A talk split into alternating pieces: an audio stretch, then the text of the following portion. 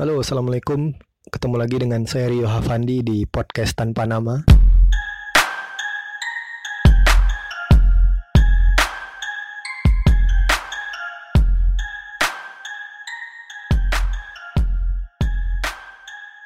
Hmm.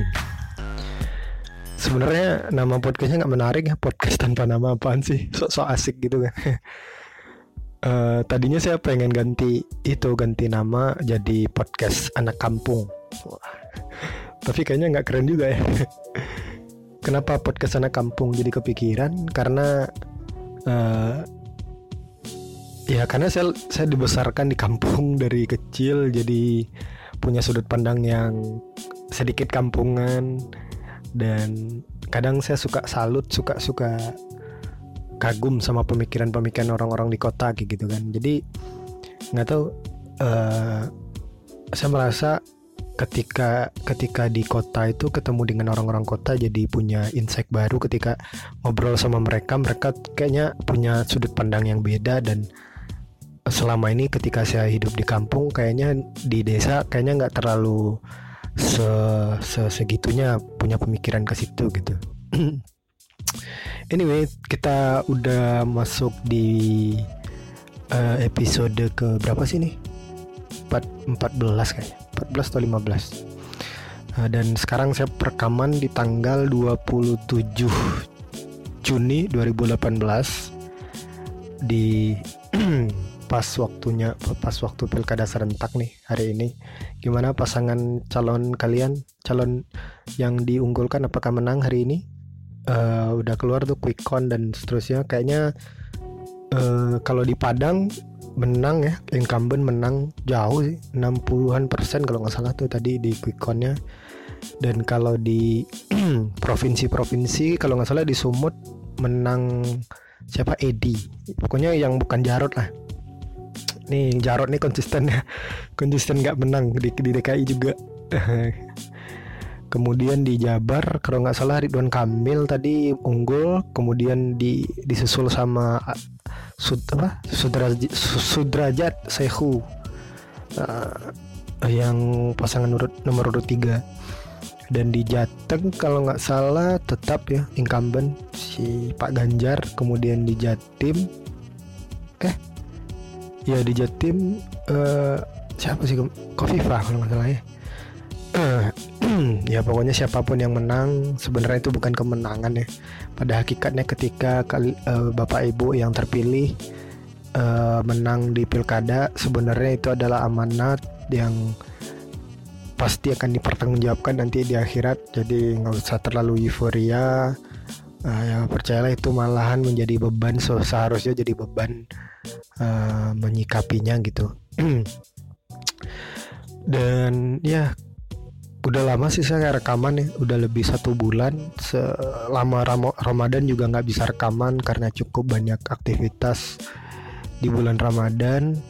Karena kebetulan saya kan kerja di di di di, di uh, apa yayasan lembaga sosial gitu dan 30 hari atau 29 hari Ramadan memang full dari pagi sampai sore itu di kantor terus dari sore sampai malamnya tuh di di tempat project sosial itu uh, di salah satu desa yang kita bina jadi kampung Ramadan. Jadi ya nggak sempat bikin podcast dan kali ini uh, bersyukur sekali bisa rekaman lagi nih ketemu dengan teman-teman lagi Uh, sebelumnya saya terima kasih juga buat teman-teman yang masih dengerin podcast ini meskipun eh, nggak uh, konsisten ya. Mudah-mudahan sih ke depan bisa konsisten sekali dua minggu atau sekali seminggu ya. Uh, kali ini saya mau ngomongin tentang uh, yang tadi sih sebenarnya, yang tadi soal anak kampung yang saya singgung tadi. Jadi di Lebaran tahun ini itu ceritanya uh, banyak teman-teman yang pulang kampung pulang kampung maksudnya yang dari rantau ya. Jadi kalau buat kalian yang mungkin bukan berasal dari Sumbat Sumatera Barat di di Sumbar itu ada ada ada budaya ada ada budaya yang yang menjadi tradisi kita tuh adalah ketika ada pemuda yang yang sudah cukup uh, bisa mandi yang sudah masuk usia harusnya mandiri itu disuruh pergi merantau kayak gitu. Jadi di Minangkabau memang ada ada istilah uh, apa? Karatau madang di hulu, babuah baguno balun, marentau bujang dahulu, uh, di kampung baguno balun. Jadi intinya si bujang ini atau para pemuda ini uh, disuruh merantau karena di kampung belum perlu belum dibutuhkan sosok dia gitu karena biasanya kan uh, yang yang memegang memegang kekuasaan nagari atau atau kalau di tempat itu desa ya perangkat desa di sini perangkat nagari itu biasanya dipegang oleh orang-orang yang usianya 30 40 50 tahun gitu. Jadi uh, di usia muda harusnya para pemuda dia belajar dulu keluar gitu. Dia disuruh keluar untuk pergi gitu. Nah di Jadi uh, bukan hanya tentang bagaimana si pemuda ini mencari penghidupan secara ekonomi ya. Kalau di tempat lain mungkin juga ada yang pergi merantau ya, pergi uh, buktinya arus mudik itu seluruh daerah kan ada. Tapi bedanya adalah ketika di Sumatera Barat memang menjadi tradisi gitu, bukan hanya dia mencari penghidupan secara ekonomi, belajar mencari pengalaman di luar, belajar kemandirian dan seterusnya. Tapi memang uh, menjadi rekomendasi lah dari dari dari adat istiadatnya gitu. Nah cuman uh, uh, ketika ketika kita ketika saya saya jujur 2017 full kemarin itu hampir setahun itu saya di luar. Saya keluar saya saya pernah uh, waktu 2017 awal saya menetap di Surabaya sekitar tiga bulan kalau nggak salah dua atau tiga bulan. Kemudian setelah uh, habis itu enam bulan saya hidup di Bekasi kemudian uh, uh, mencoba penghidupan di Bekasi lah tahun kemarin kayak gitu. Dan baru pulang ke Padang tuh bulan Desember. Nah saya menemukan ada ada sesuatu yang beda nih ketika saya di kampung kemudian dibandingkan dengan ketika saya di di perkotaan kayak gitu. Nah jadi saya menemukan sebuah cara pandang baru dalam melihat sebuah persoalan gitu. Nah mudah-mudahan sih uh, ketika uh, Gak tahu ini jadi atau enggak nih. Namanya diganti jadi podcast anak kampung. Uh, kita lihat nanti aja. Tapi intinya uh, saya men, uh, saya sering kali uh, apa ya salut atau heran atau kagum ya dengan dengan pemik uh, apa namanya ketika saya hidup di Bekasi itu saya menemukan uh, oh gini ya gitu. Jadi saya, saya uh, agak agak tercerahkan lah dalam tanda kutip tercerahkan oleh suasana perkotaan gitu. Jadi ketika ketika dulu di Bekasi itu uh, pokoknya ketika naik KRL misalkan saya menemukan sebuah suasana ada yang baca buku ada yang baca novel ada yang baca di di di HP-nya tuh baca baca novel dan seterusnya gitu. Dan ada yang juga bacaan bacaannya buat buku bahasa Inggris. Saya boro-boro aja baca buku bahasa Inggris ngartiin tweet tweet tweet yang ada di Twitter aja pakai terjemahan Google gitu kan. Jadi uh, itu saking ketertinggalannya saya. Ini saya bukan bukan bukan saya bukan mewakili orang-orang di kampung ya tapi saya mau saya saya mempunyai uh, sudut pandang seperti ini karena uh, sebagai se memang sebagai salah satu warga desa kayak gitu. Tapi bukan berarti mewakili orang-orang desa. Dan uh, tapi satu hal saya bukan mengkerdilkan jadi kan kondisinya itu adalah ketika di kampung itu kan akses informasi, akses uh, transportasi dan seterusnya itu kan agak lambat ya. Jadi apa yang jadi tren di kota besar mungkin agak satu tahun atau beberapa bulan setelah itu baru masuk ke kampung gitu kan.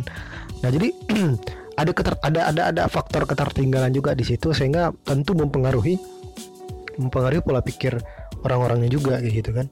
Nah uh, kondisi seperti ini kadang membuat membuat saya kak dulunya tuh mer, uh, setelah setelah coba ber, ber, bergaul dengan teman-teman.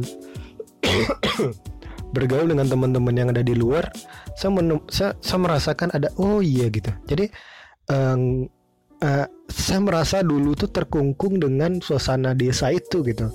Terkungkung dengan dengan dengan uh, cara pandang yang sempit dan seterusnya kayak gitu meskipun saya men, saya juga menemukan satu garis apa satu benang merah positifnya ya uh, dari ketertutupan ini. Jadi uh, menurut saya indeks happiness ya atau atau kebahagiaan antara orang kota dan desa itu lebih bahagia orang di desa secara mayoritas saya pikir ya. Uh, menurut saya kayak gitu. Kenapa? Karena dari segi problem misalkan atau masalah yang dihadapi dalam kehidupan eh, orang-orang di desa cenderung lebih remeh gitu. Bukan bukan remeh maksudnya bukan meremehkan atau menyepelekan ya tapi misalkan ketika di kampung orang para nelayan ya dia uh, ketika saya ber, pernah berinteraksi uh, di dengan para nelayan di kampung itu mereka ya permasalahannya seputar ikan seputar gimana uh, angin laut pasang surut dan seterusnya gitu kan jadi dia tidak terlalu larut dengan dengan misalkan perpecahan politik di negeri ini gitu. Mereka tidak berantem antara Jok pro Jokowi dan pro Prabowo misalnya gitu. Jadi uh, permasalahannya lebih apa ya lebih nikmat dalam tanda kutip gitu lebih lebih lebih sehat lah bukan tidak ada berantem beranteman tentang perpolitikan dan seterusnya gitu. Kemudian kalau kita di petani misalkan dia dia dia punya problem tentang misalkan hama atau ada pupuk pupuk yang lebih produktif dan seterusnya itu jadi diskusi-diskusi mereka tuh lebih uh, nyaman untuk di, di, di bukan diskusi bahkan perdebatan mereka tuh lebih lebih sehat gitu secara secara silaturahim gitu tidak ada perpecahan yang yang ditimbulkan dari perdebatan itu gitu ketimbang ketika kita saya bahkan ketika saya di Jakarta Timur juga pernah uh, hidup di situ beberapa bulan uh, di situ memang terasa bagaimana politik politik ini mem memecah kita gitu. Ketika saya ditanya oleh salah seorang di sana, kamu dulu pilih siapa? Kemudian saya saya, saya bilang calon B, maka calon A misalkan, kemudian dia bilang e, ngapain pilih calon A? Karena katanya calon B ini lebih bagus. Kemudian saya di, di bahkan di, dibilang saya bodoh, di, pokoknya sampai segitunya mereka menilai seseorang dari pandangan politik. Bayangkan bayangkan apa yang terjadi di perdebatan nah, jadi, jadi dan ini bukan berarti saya mengatakan seluruh di perkotaan gitu ya tapi ini yang saya temukan memang bisa jadi kasuistik cuman itu yang saya saya alamin gitu dan eh, persoalan-persoalan yang yang terlalu kompleks lah problem yang di, di dinikmati oleh orang-orang yang ada di kota kayak gitu kan. Nah ketimbang kita yang ada di kampung. Nah uh, itu positifnya mungkin ya. Mungkin itu positifnya bahwa mereka akan lebih bahagia dengan suasana kehijauan desa kemudian pemandangan yang masih asri tidak ada polusi udara tidak ada macet. Pokoknya uh, it, saya pikir itu menjadi pos nilai positif yang ada di desa dan uh, ketika uh, itu dibalik atau orang orang kota ke desa mungkin kalau kita, uh, mereka akan lebih teras merasakan kenyamanan dan seterusnya gitu kan.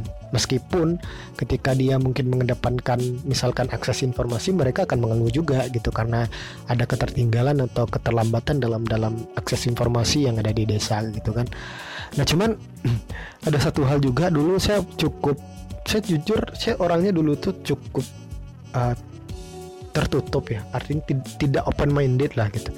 Ketika misalkan um, apa kan kalau saya kuliah di Universitas Andalas kemudian saya saya pernah nulis bikin tulisan kayak gini Unan itu Universitas Andalas kalau teman-teman yang belum tahu itu tuh posisinya tuh di perbukitan. Jadi secara jarak dengan dengan pusat kota tuh lumayan jauh gitu.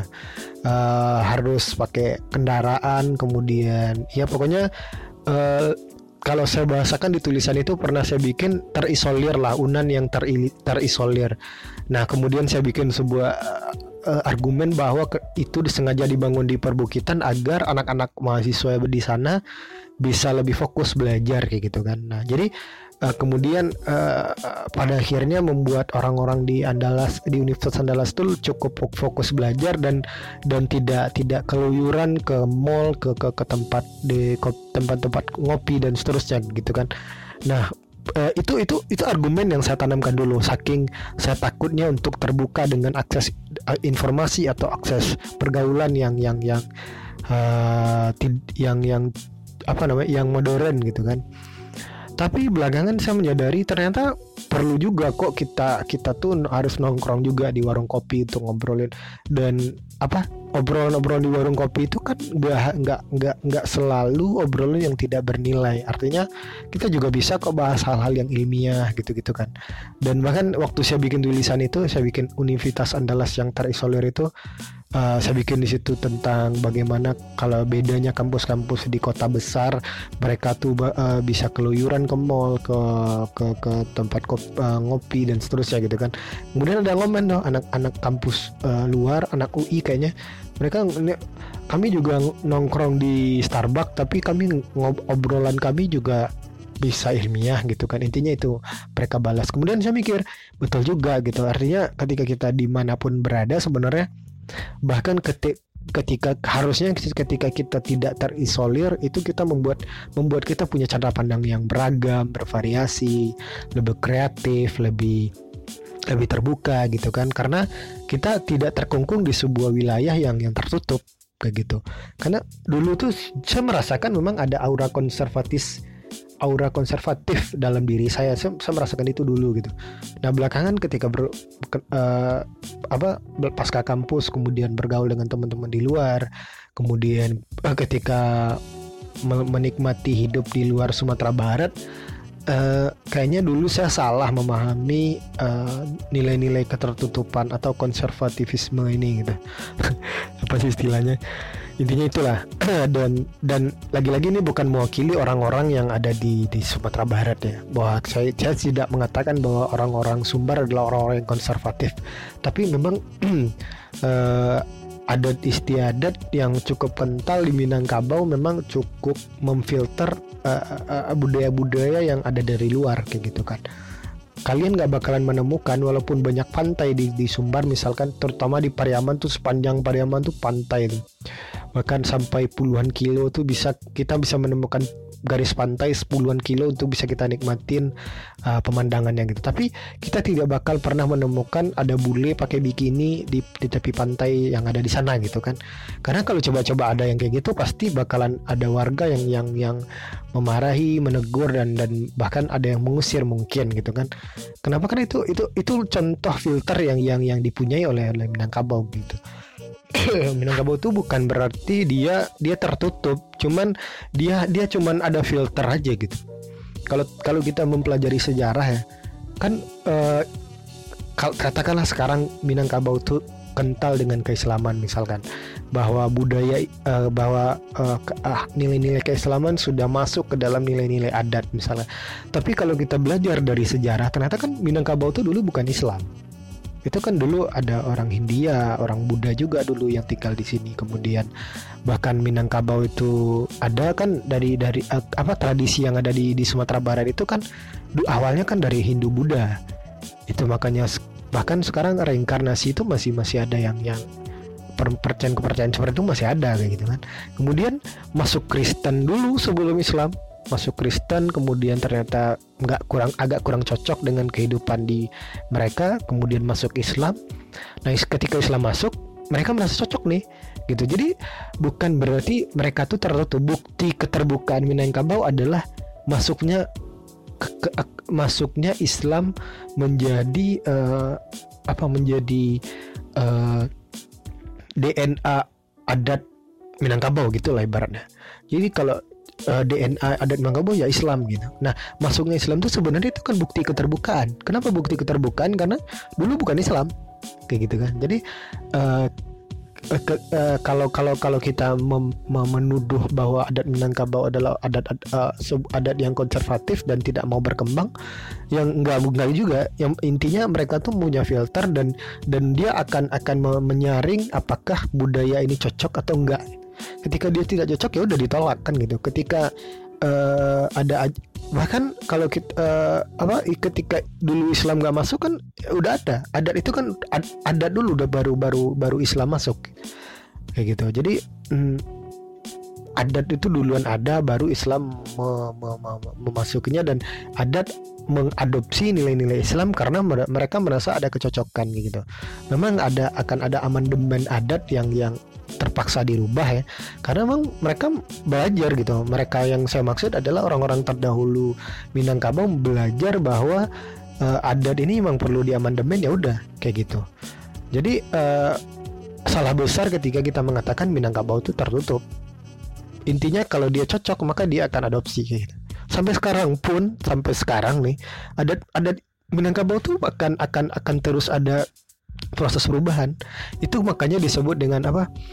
Eh ndak lapuk dek paneh ndak lekang dek paneh ndak lapuk dek hujan gitu kan. Tidak lekang oleh panas tidak lapuk oleh hujan gitu.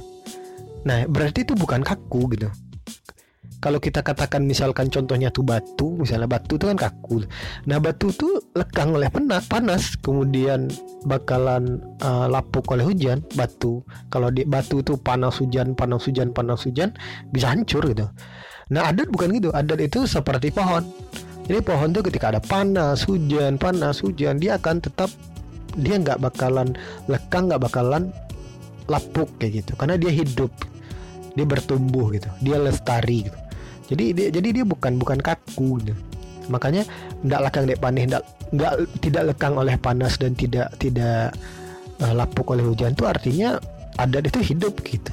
Jadi dia bakalan menyesuaikan dengan perkembangan zaman sebenarnya. Itu arti dari dari uh, pepatah itu gitu. Uh, nah kembali lagi ke cara pandang tadi ya. Jadi uh, memang ada ada sudut pandang yang cukup apa namanya terlalu rapat dan filternya sehingga orang-orang Minangkabau tidak terlalu terbuka pintunya untuk budaya-budaya yang tidak cocok untuk mereka kayak gitu. Ya, secara secara duniawi mungkin kasat mata modernitas orang-orang bakalan bilang adat-adat Minangkabau uh, adalah adat yang terbelakang dan seterusnya kan gitu. Ya jadi uh, sebenarnya ya yang kita cari itu apa? Nah, itu dulu. Ketika kita memahami bineka tunggal ika misalkan itu berbeda-beda tetap satu jiwa, lalu kenapa kita harus kagok dengan keperbedaan ini gitu? Ketika adat Minangkabau sudah terlanjur dianut, kenapa orang-orang malah protes uh, mengatakan bahwa orang-orang Minang adalah orang-orang yang cenderung tertutup? Kayak gitu kan? Nah jadi uh, akhirnya akhirnya uh, sebenarnya orang-orang di si orang-orang Minang dia sedang menjaga saja menjaga tradisi yang yang tetap yang harusnya tetap ada bernilai tetap ada nilai-nilai itu kayak gitu.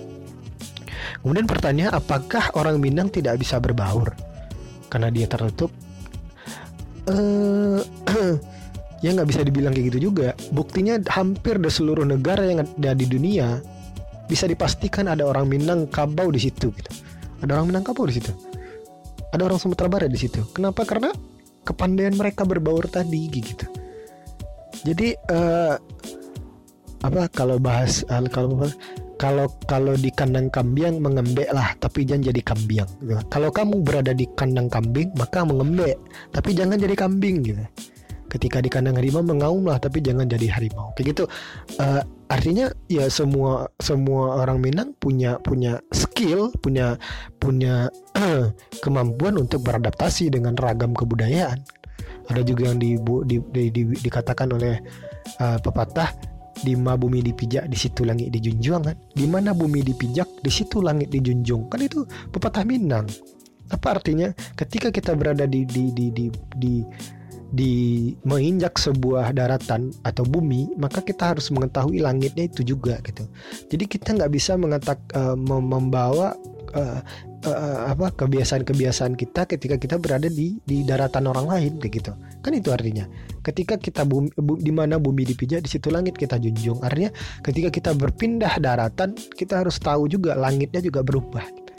nah itu itu poinnya. Jadi pepatah-pepatah Minang itu bahkan membuktikan kita bukan bukan sedang sedang tertutup. Kita hanya sedang me, menjaga keaslian menjaga orisinalitas kebudayaan saja gitu.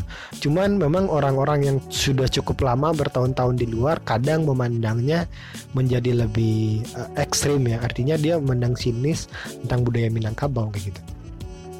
Sederhananya misalnya ketika ada LGBT misalkan. Nah LGBT kan kalau di di ya saya, saya saya tahu bahwa secara data memang ada ada juga LGBT itu di Sumbar. Cuman kenapa orang tidak berani mendeklarasikan? Coba tidak ada orang Minang ya yang berani berstatement kalau dia pro LGBT gitu. Kalau di luar banyak, kalau di luar bahkan mereka pejuang HAM lah, dia memperjuangkan kesetaraan dan seterusnya gitu kan. nah pada akhirnya uh, sampai mana tadi?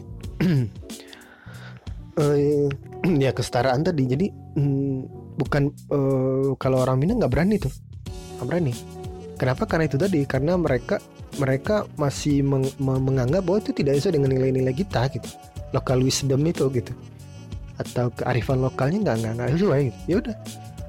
Lah kenapa kita memaksakan uh, ketika ada lokal yang mau menjaga kearifan kenapa kita harus memaksakan gitu kan dan lagi-lagi mungkin kalian dari yang orang-orang dari luar Sumatera Barat atau bahkan yang berbeda pandangan dengan saya bakalan mengatakan ini adalah bentuk konservatifismenya gitu kan. Ini bentuk uh, nyata konservatif. Uh, uh, gimana ya? Intinya kenapa kita melarang orang-orang yang menjaga kearifan lokal? Itu dulu yang harus kita jawab gitu.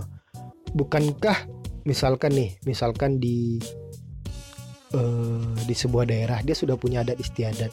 Kemudian kita masuk ke situ itu kan bentuk kekayaan Indonesia gitu.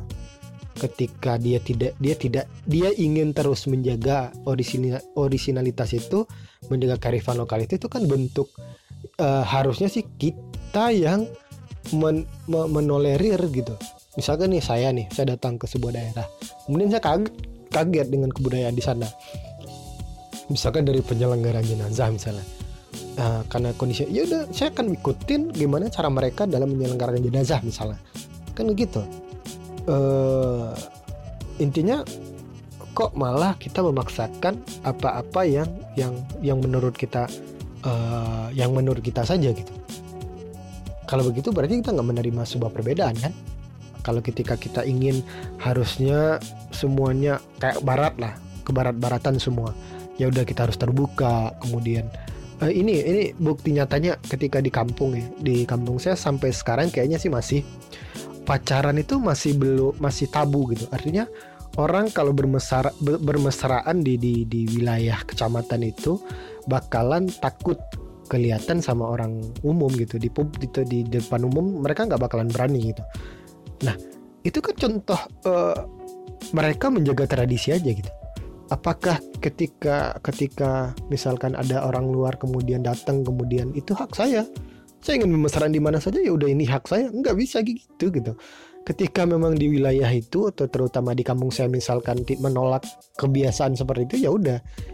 Kalian harus terima lah kayak gitu. Ketika saya pun misalkan jalan-jalan ke tempat uh, ke, ke ke tempat yang punya kearifan lokal kemudian dia tidak biasa dengan seperti itu ya udah saya akan harus menghargai mereka dong kan kayak gitu.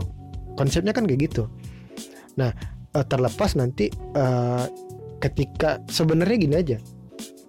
Ketika kita ber, ketika kita berani ketika kita sanggup menerima menerima kearifan lokal yang ada di Indonesia di situlah tem, uh, uh, di situlah realisasi atau uh, aplikasi dari toleransi itu sebenarnya gitu kan karena ketika kita tidak tidak ingin tidak ingin diatur oleh ke kearifan lokal berarti kita tidak menerima perbedaan atau variasi adat istiadat. Gitu aja kan simpelnya. Nah kalau kita nggak nerima variasi adat berarti kita nggak bineka tunggal ika.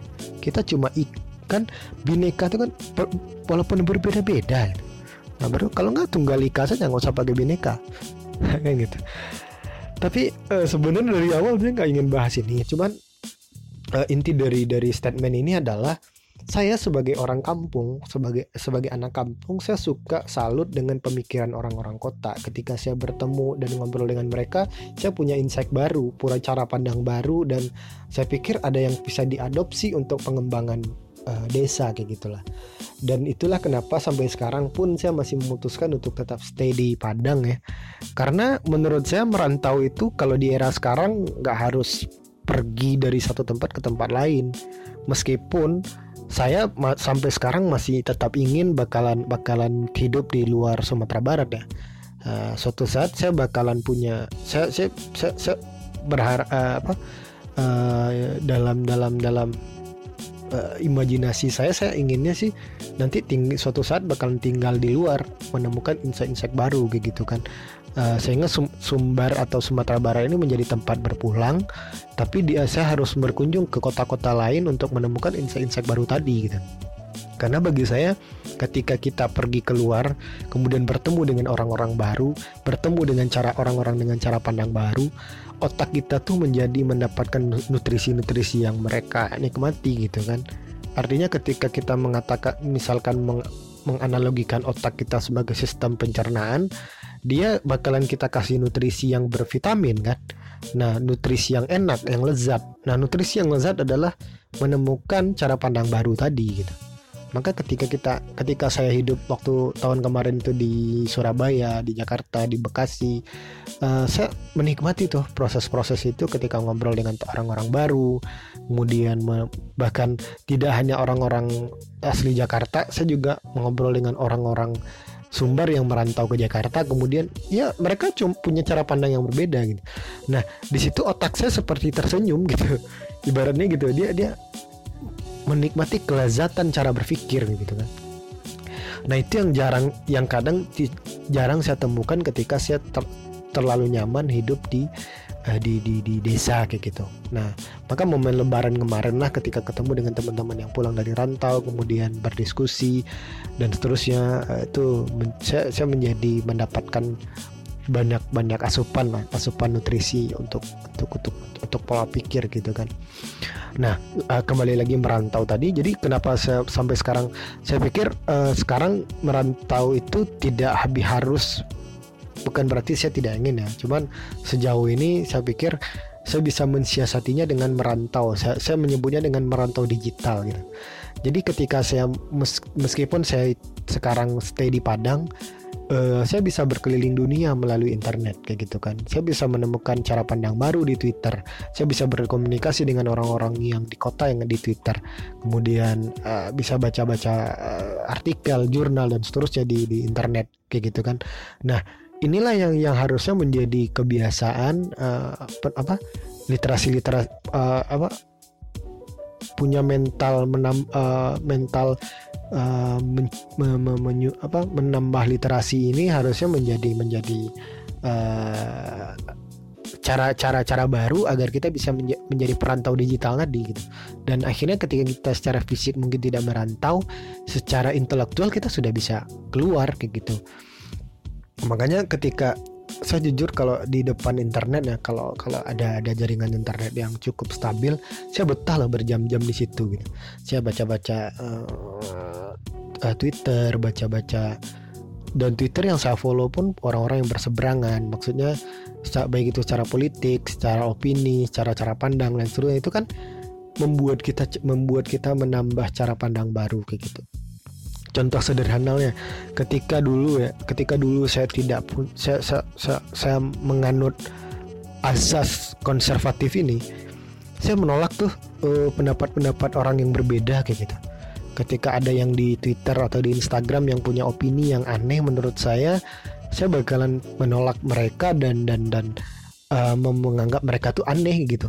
Tapi belakangan ketika kita bisa bergaul berinteraksi dengan mereka ternyata apa yang menurut kita benar atau apa yang menjadi standing point kita sekarang standpoint kita sekarang di tempat orang berbeda kita bakalan bertukar pikiran kayak gitu. Kita nggak menolak secara mentah-mentah tapi kita apa ya semacam kayak bikin nasi goreng ya.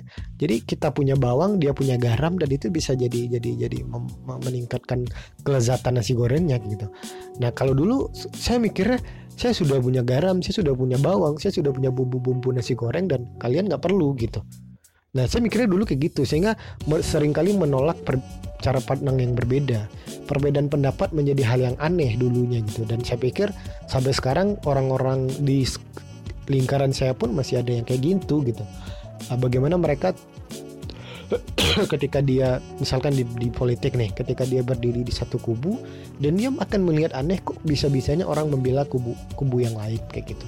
Padahal sebenarnya perbedaan mereka cara pemilih mereka tuh kan berdasarkan latar belakang intelektual latar belakang eh, lingkungan dan seterusnya gitu kan. Dan itu yang harus saling kita terima kan gitu.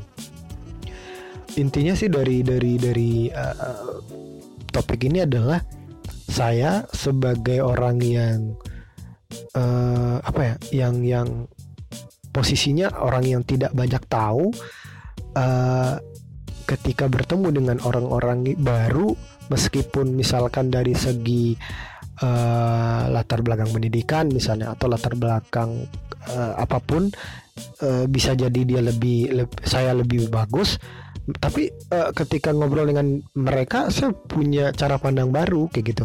Dan uh, harusnya sih cara kita menerima perbedaan pandangan itu adalah uh, dengan dengan dengan uh, mendengarkan dan dan dan apa ya kita tuh tidak menyis kita tidak kalau bahasa Minangnya tuh uh, walau saranca-ranca angin jangan diapihan benang di kumparan kayak gitu kan. Intinya ketika kita melepas layang-layang itu tuh kan istilahnya tuh apa kita kita kita kita main layang-layang tuh layangan. Dan kita nggak boleh habisin benang di kumparan gitu. Ketika kita apa pun kita percaya terhadap sesuatu hal kita harus menyisakan ruang untuk keraguan-raguan gitu. Maksudnya ketika misalnya kita mau nerbangin layang-layang nih kan angin sedang bagus tuh. Kalau angin sedang bagus kita bersemangat tuh ngabisin benang agar layang-layang kita lebih tinggi. Tapi jangan pernah kita habiskan di kumparan. Karena kita nggak tahu ketika ada angin yang kita tidak inginkan nanti itu bisa mencoba apa membuat layangan kita putus karena angin yang begitu kencang. Maka ketika angin ada yang kencang, kumparan kita masih bisa mengamankan kayak gitu kurang lebih gitu. Jadi seyakin apa pun dengan opini kita, harusnya kita menyisakan ruang untuk uh, bisa mengkonfirmasi agar kita tidak merasa ujub, kita tidak merasa paling benar dan kita bisa saling bertukar pikiran kayak gitu. Nah, ke depan saya pikir uh, akan banyak saya ingin saya banyak ingin ulas topik-topik baru yang saya temukan di ketika bergaul dengan orang-orang yang baru. Karena jujur saya dulu waktu di kampus saya cukup homogen. Maksudnya saya bergaul dengan orang-orang yang satu paham. Saya bergaul dengan orang-orang di lingkungan lingkungan yang yang cukup religius. Kemudian saya belajar keislaman yang cukup uh, intens dengan mereka dan dan akhirnya membentuk pola pikir yang cukup tertutup. Saya rasakan itu gitu. Dan uh, menurut saya pada akhirnya membuat kita tidak tidak nyaman, kemudian kita saling benci, saling memusuhi dan saling tidak ingin menerima perbedaan dan seterusnya kayak gitu kan. Dan itu ini tidak tidak nyaman untuk untuk untuk uh, perkembangan intelektual kita gitu.